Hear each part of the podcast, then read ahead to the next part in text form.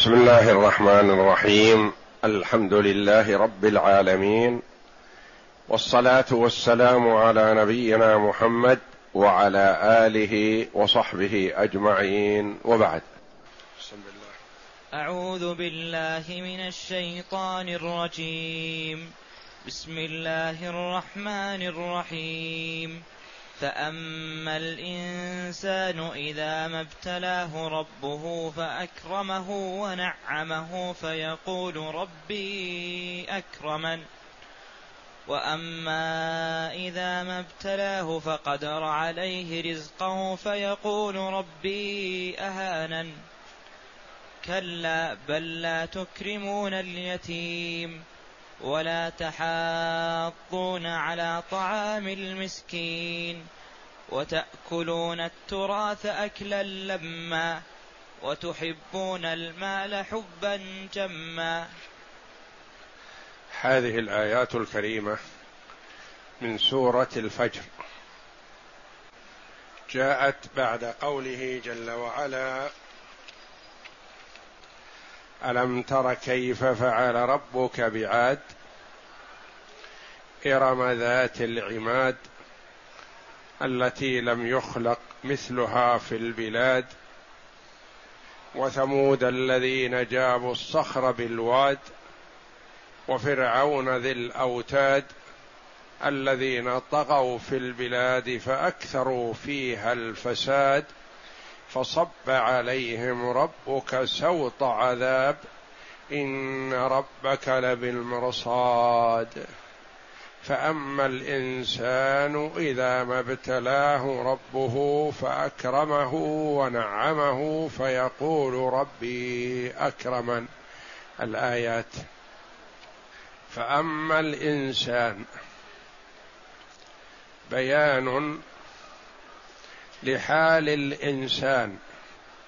ومن المراد بالإنسان هنا أهو الكافر. قال جمع من المفسرين. المراد بالإنسان هنا الكافر. وقيل المراد به أي إنسان. لأن كثيرا من الناس حتى ممن هو مسلم في غفلة وعدم انتباه ويظن أن العطاء في الدنيا إكراما وأن المنع من الدنيا إهانة. وليس الأمر كذلك. إذا ما ابتلاه ربه ابتلاه بمعنى اختبره. والله جل وعلا يبتلي عباده بالنعم كما يبتليهم بالمصائب. فيبتلي العبد بالصحة. يبتليه بالمال يبتليه بالجاه ليرى وهو أعلم جل وعلا بما سيكون عليه العبد لكن ليظهر أثر هذا الامتحان ليستحق عليه الثواب أو العقاب. والله جل وعلا لا يعاقب عباده قبل أن يفعلوا. فهو جل وعلا يبتليهم وهو أعلم بما هم صائرون إليه. يعلم جل وعلا من العباد من هو شاكر ومن هو بخلاف ذلك. يعلم من العباد من هو صابر ومن هو بخلاف ذلك قبل أن يبتليهم. فأما الإنسان إذا ما ابتلاه ربه فأكرمه. العطاء ابتلاء واختبار. يعطيه يختبره. يمنعه يختبره. والله جل وعلا يبتلي عباده يختبرهم بالنعمى والضراء بالعطاء والمنع. فأما الإنسان إذا ما ابتلاه ربه فأكرمه أكرمه في دنياه بأن أعطاه ما يحب ونعمه وفر له المال والعطاء وما يميل إليه وهواه من الصحة والجاه وغير ذلك. ماذا يقول الإنسان؟ يقول ربي أكرمن. أنا أستحق هذا. أستحق هذا الإكرام فأكرمني ربي. هذا لأني مستحق. وأما إذا ما ابتلاه فقدر عليه رزقه. إذا ابتلاه يعني اختبره بأن ضيق عليه في رزقه. ولم يعطه من الدنيا ما أحب. يقول ربي اهانا. يقول هذه إهانة من ربي لي. وفي نظره أنه لا يستحق هذه الإهانة. لأن نظرة الإنسان هذا الكافر أو الغافل نظرته نظرة دنيوية فقط. ما عنده بصيرة ويعرف أن الله امتحنه بهذا قد ينال بهذا الامتحان الدرجات العلى.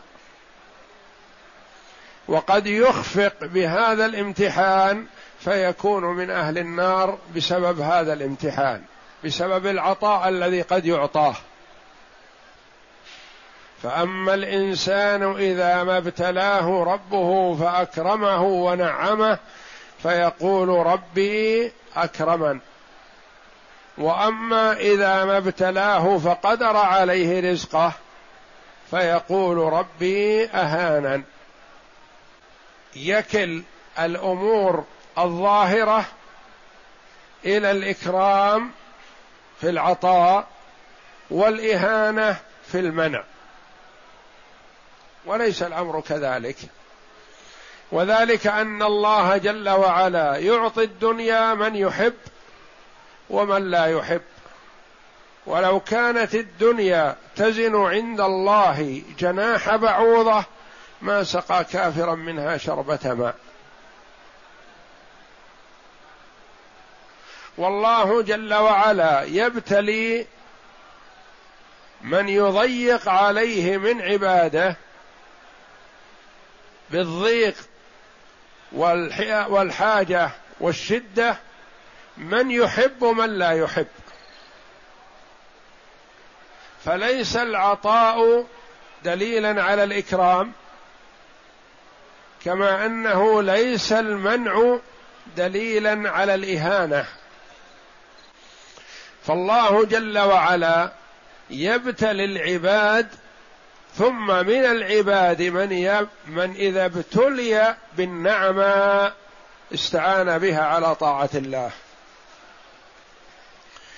من العباد من إذا ابتلي بالنعماء بالعطاء والجاه والصحة والعافية. استعان بهذه الأشياء على طاعة الله وصرفها في مرضاة الله.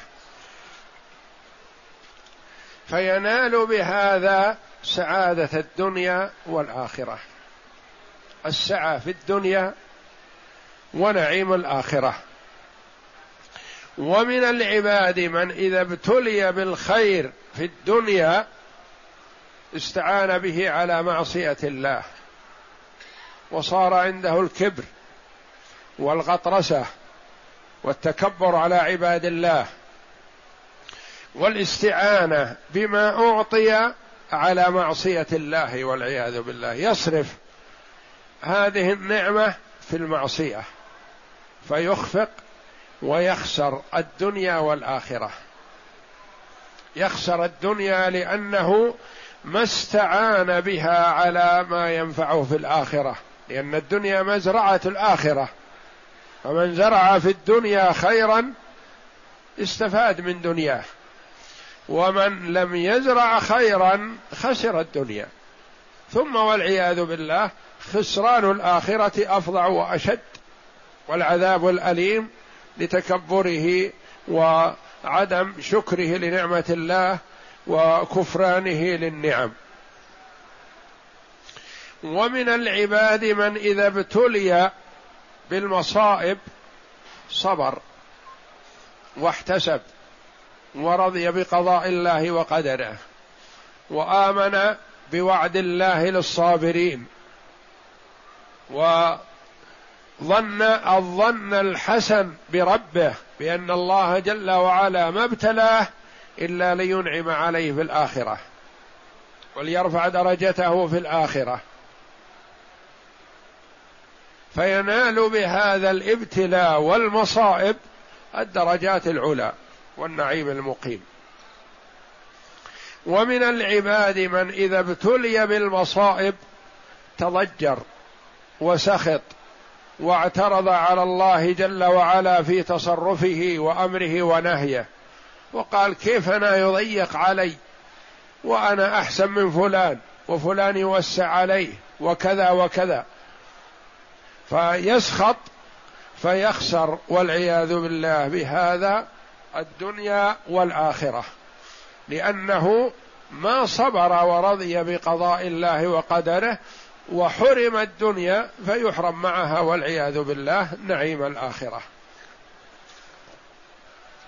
فالله جل وعلا يبين لعباده حال كثير من الناس في الدنيا. مع أنه جل وعلا يبتلي خيار خلقه بالضيق والشدة و والفقر والحاجة ونحو ذلك وهو جل وعلا يحبهم ويرضى عنهم.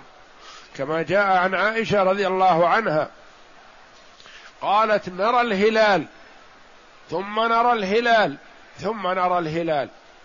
ثلاثة أهلة في شهرين وما أوقد في بيت رسول الله صلى الله عليه وسلم نار.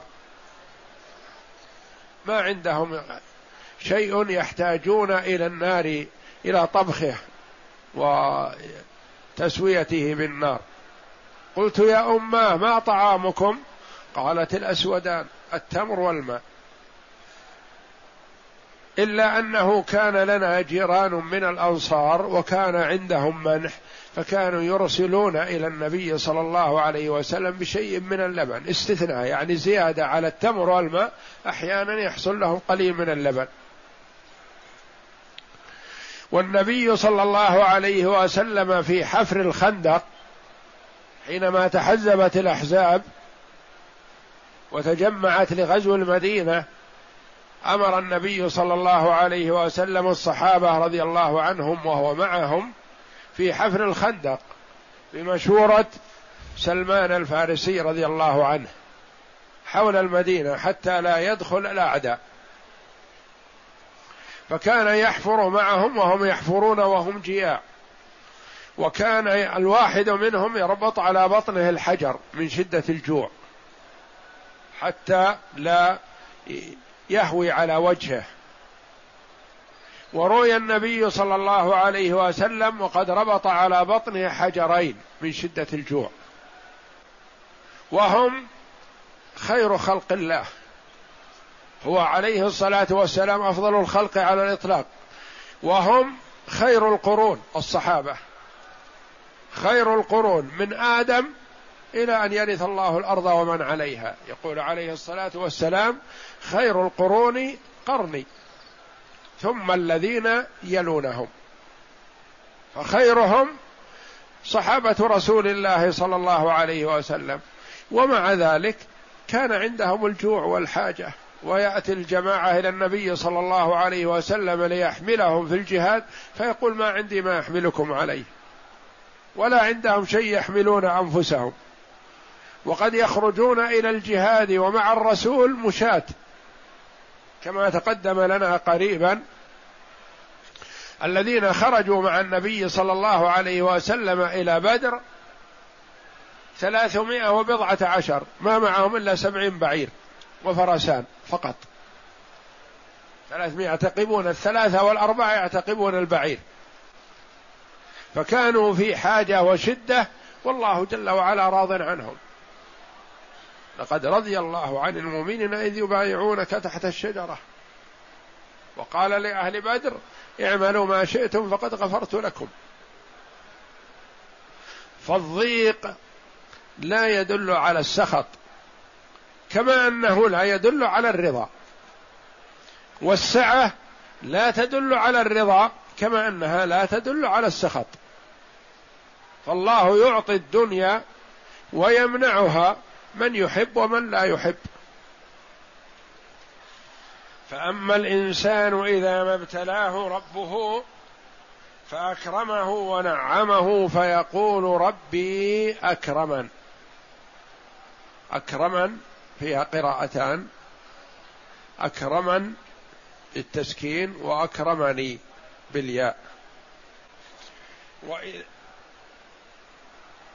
وأما إذا ما ابتلاه فقدر عليه رزقه فيقول ربي اهانا كذلك قراءتان. أهانني واهانا يقول الله جل وعلا كلا يعني ليس الأمر على ذلك. ليس الأمر على هذا. بل العطاء لا يدل على الإكرام والمنع لا يدل على الإهانة. وإنما هذا ابتلاء وامتحان. وهو جاء على صفة الابتلاء والامتحان. وإلا فالغالب الذي يمتحن الذي لا يعلم عن حال من يمتحنه.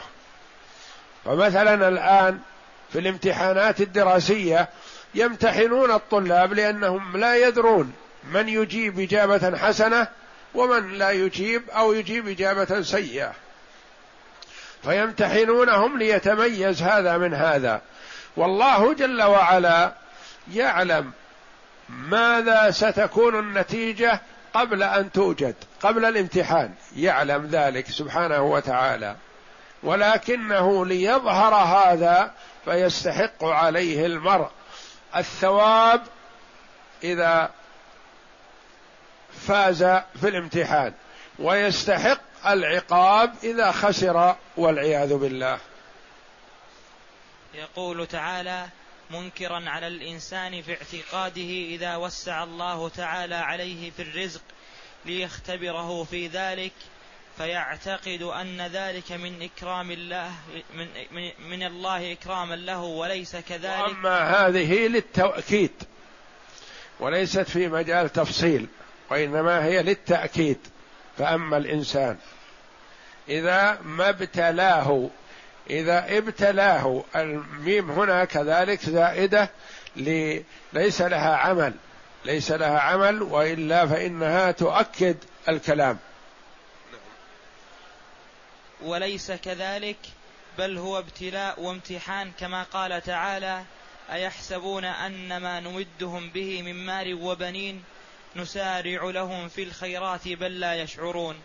وكذلك في الجانب الآخر إذا يعني لا ينبغي للإنسان أن يتصور أن العطاء فضل وتكريم ولا أن المنع إهانة وخذلان ليس الأمر كذلك.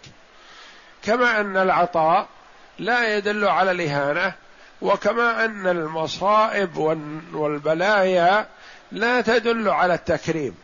فقد يكرم المرء بالعطاء والله راض عنه. وقد يكرم بالمنع والله جل وعلا راض عنه. وقد يهان بالعطاء والله جل وعلا ساخط عليه مع أنه يعطيه. لكنه استدراج. كما قال الله تعالى يحسبون أن ما نمدهم به من مال وبنين نسارع لهم في الخيرات؟ بل لا يشعرون. ما عندهم شعور في هذا فالله يعطي الدنيا الأخيار والأشرار. وكذلك في الجانب الآخر إذا ابتلاه وامتحنه وضيق عليه في الرزق يعتقد أن ذلك في الله إهانة له. قال تعالى كلا أي ليس الأمر كما زعم لا في قيل الآية نزلت في أبي ابن خلف. وقيل نزلت في أمية ابن خلف. وقيل نزلت في عتبة ابن ربيعة. والعبرة بعموم اللفظ لا بخصوص السبب كما يقول المفسرون. يعني أنها وإن كان سبب نزولها خاص فالعبرة بالعموم فليس المراد خاصا فقط وإنما هو عام.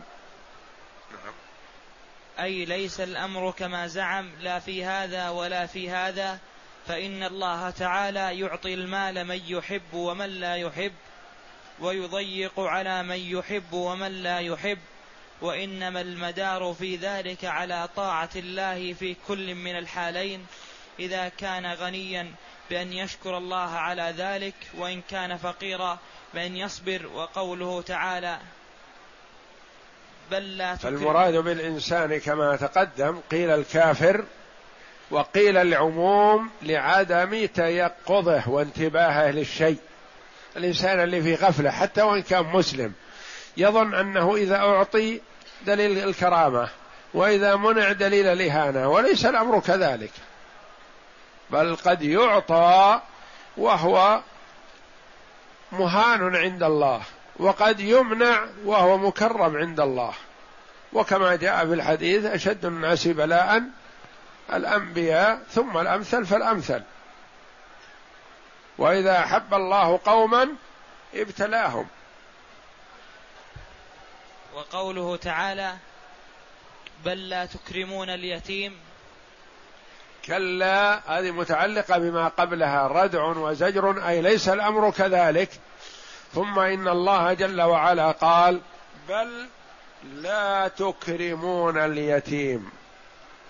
يعني أنتم أيها الكفار إذا كان المراد بها الكفار وهذا هو الظاهر والله أعلم في الخطاب الأخير بل لا تكرمون وفي قراءة لا يكرمون. بالتاء والياء. بالتاء للمخاطبة وبالياء للغيبة. كلا ليس العطاء للإكرام دليل الإكرام ولا المنع دليل الإهانة بل الحقيقة والواقع أنكم يا كفار مكة لا تكرمون اليتيم. واليتيم يجب أن يكرم لأن النبي صلى الله عليه وسلم حث على إكرامه والإحسان إليه وقد قال عليه الصلاة والسلام أنا وكافل اليتيم كهاتين وأشار بالسبابة والوسطى عليه الصلاة والسلام في الجنة. وأشرف البيوت بيت فيه يتيم يحسن إليه. وأسوأ البيوت بيت فيه يتيم يساء إليه. واليتيم من بني آدم هو من مات أبوه وهو لم يبلغ الحلم. أما من ماتت أمه فلا يقال له يتيم لأن ابن آدم الآدمي حاجته إلى أبيه بعد ولادته أكثر لأنه هو الذي يرعى شؤونه ويقوم عليه ولا يحوجه للآخرين. فاليتيم من بني آدم من مات أبوه قبل الحلم. فإذا بلغ الحلم ارتفع عنه اليتم ولا يصح أن يقال عنه يتيم. واليتيم من الحيوانات من فقد أمه لأن الشاة والبقر ونحوها يقال للمولودة يتيمة إذا ماتت أمها لأن حاجتها إلى أمها أكثر فهي التي ترضعها وتقوم عليها. ولا تعلم عن أبيها شيئا. وابن آدم إذا بلغ الحلم ارتفع عنه اليتم ولا يصح أن يقال عنه يتيم. كلا بل لا تكرمون اليتيم. وذلك لأن اليتيم انكسر خاطره بفقده لأبيه. فيجب على كل مسلم عاقل أن يجبر خاطره بما استطاع يكرمه ولا يهنه لأنه حصلت عليه مصيبة وهي فقده لأبيه فهو في حاجة إلى جبر لخاطره. كلا بل لا تكرمون اليتيم ولا تحاضون على طعام المسكين. ولا تحضون على طعام المسكين قراءة أخرى. ولا تحاضون على طعام المسكين بضم التاء قراءة ثالثة وكلها قراءة سبعية يعني من القراءات السبع. والحظ حث بعضنا على بعض حث بعضنا لبعض يعني كل واحد يحث الآخر على إطعام المسكين وعطاء المسكين والمراد بالمسكين هو الفقير لأن الله جل وعلا قال إنما الصدقات للفقراء والمساكين. وإذا ذكر المسكين وحده شمل المسكين والفقير. وإذا ذكر الفقير وحده دخل فيه المسكين والفقير. وإذا ذكر معا فقال بعض العلماء رحمهم الله بالتمييز بينهما المسكين هو من يجد نصف الكفاية فما فوق ولا يجد الكفاية. والفقير هو من لا يجد شيئا أو يجد دون نصف الكفاية. قالوا الفقير أحوج من المسكين. ولهذا بدأ الله جل وعلا به في بيان أهل الزكاة فقال تعالى إنما الصدقات للفقراء والمساكين. فقالوا الفقير من لا يجد شيء أو يجد أقل من نصف الكفاية والمسكين من يجد نصف الكفاية فأكثر ولا يجد الكفاية كاملة والمراد الكفاية للسنة. فمثلا إذا كانت كفاية المرء في السنة له ولعائلة عشرة آلاف وليس عنده إلا أربعة آلاف يقال لهذا فقير لأنه يجد أقل من نصف الكفاية. آخر كفايته عشرة آلاف عنده ستة آلاف. ما تكفيه للسنة هذا يقال له مسكين لأن عنده أكثر من نصف الكفاية وأقل من الكفاية. وقيل في تمييز الفقير من المسكين العكس. قال بعض العلماء المسكين أكثر حاجة من الفقير.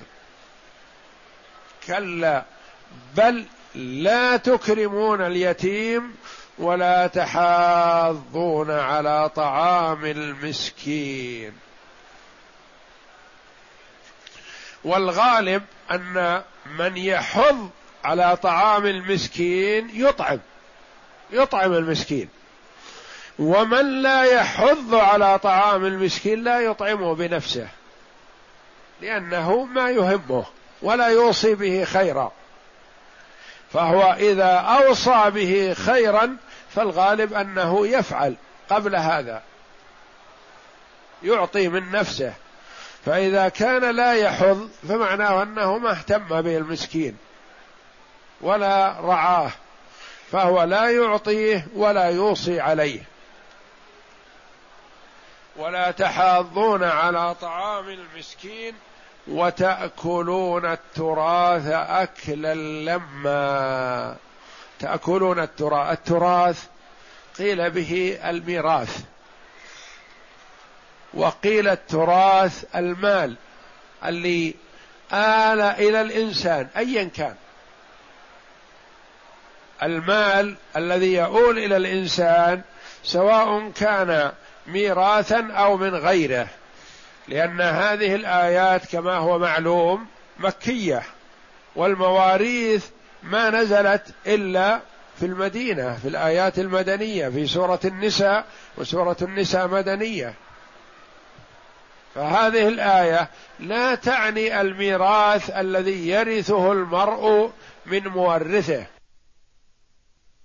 كان من الأشياء المباحة التي يأخذها من البرية كالكمعة والعشب وغير ذلك من الأمور مثلا أو الحطب أو نحو ذلك من الأمور التي تؤخذ من البرية تسمى تراث لأنها مال. وتأكلون التراث أكلا لما يعني لما يعني جمع. جمع. ولا تتركون منه شيئا يعني تحتوون عليه كله. ولا تتركون منه شيئا لمحتاج.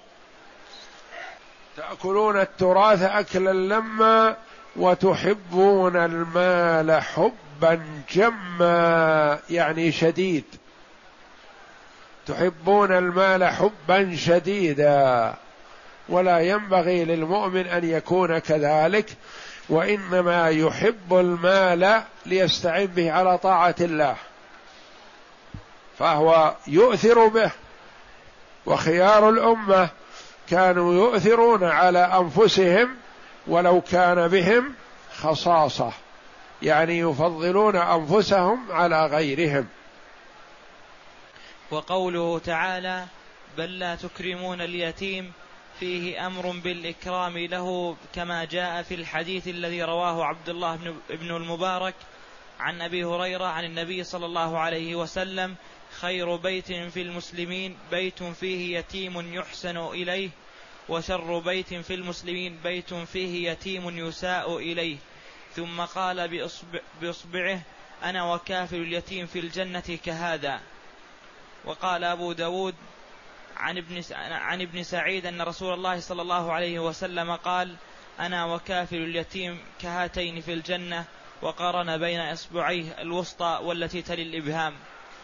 وقوله تعالى ولا تحاضون على طعام المسكين يعني لا يأمرون بالإحسان لا تكرمون سبق أنها فيها قراءتان لا تكرمون ولا يكرمون بالخطاب وبالغيبة والخطاب للتوبيخ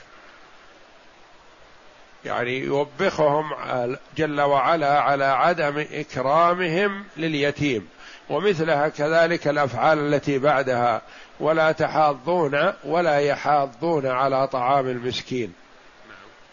يعني لا يأمرون بالإحسان إلى الفقراء والمساكين ويحث بعضهم على بعض في ذلك وتأكلون التراث يعني الميراث. أكلا لما أي من من أي الميراث وقيل المراد به التراث يعني ما آل إلى الإنسان من مال لا يبالي به من حلال أو حرام يحبه حبا شديدا.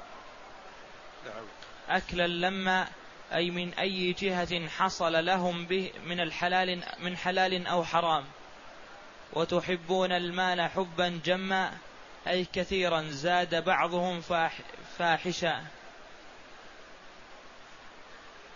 والله أعلم وصلى الله وسلم وبارك على عبده ورسول نبينا محمد وعلى آله وصحبه أجمعين.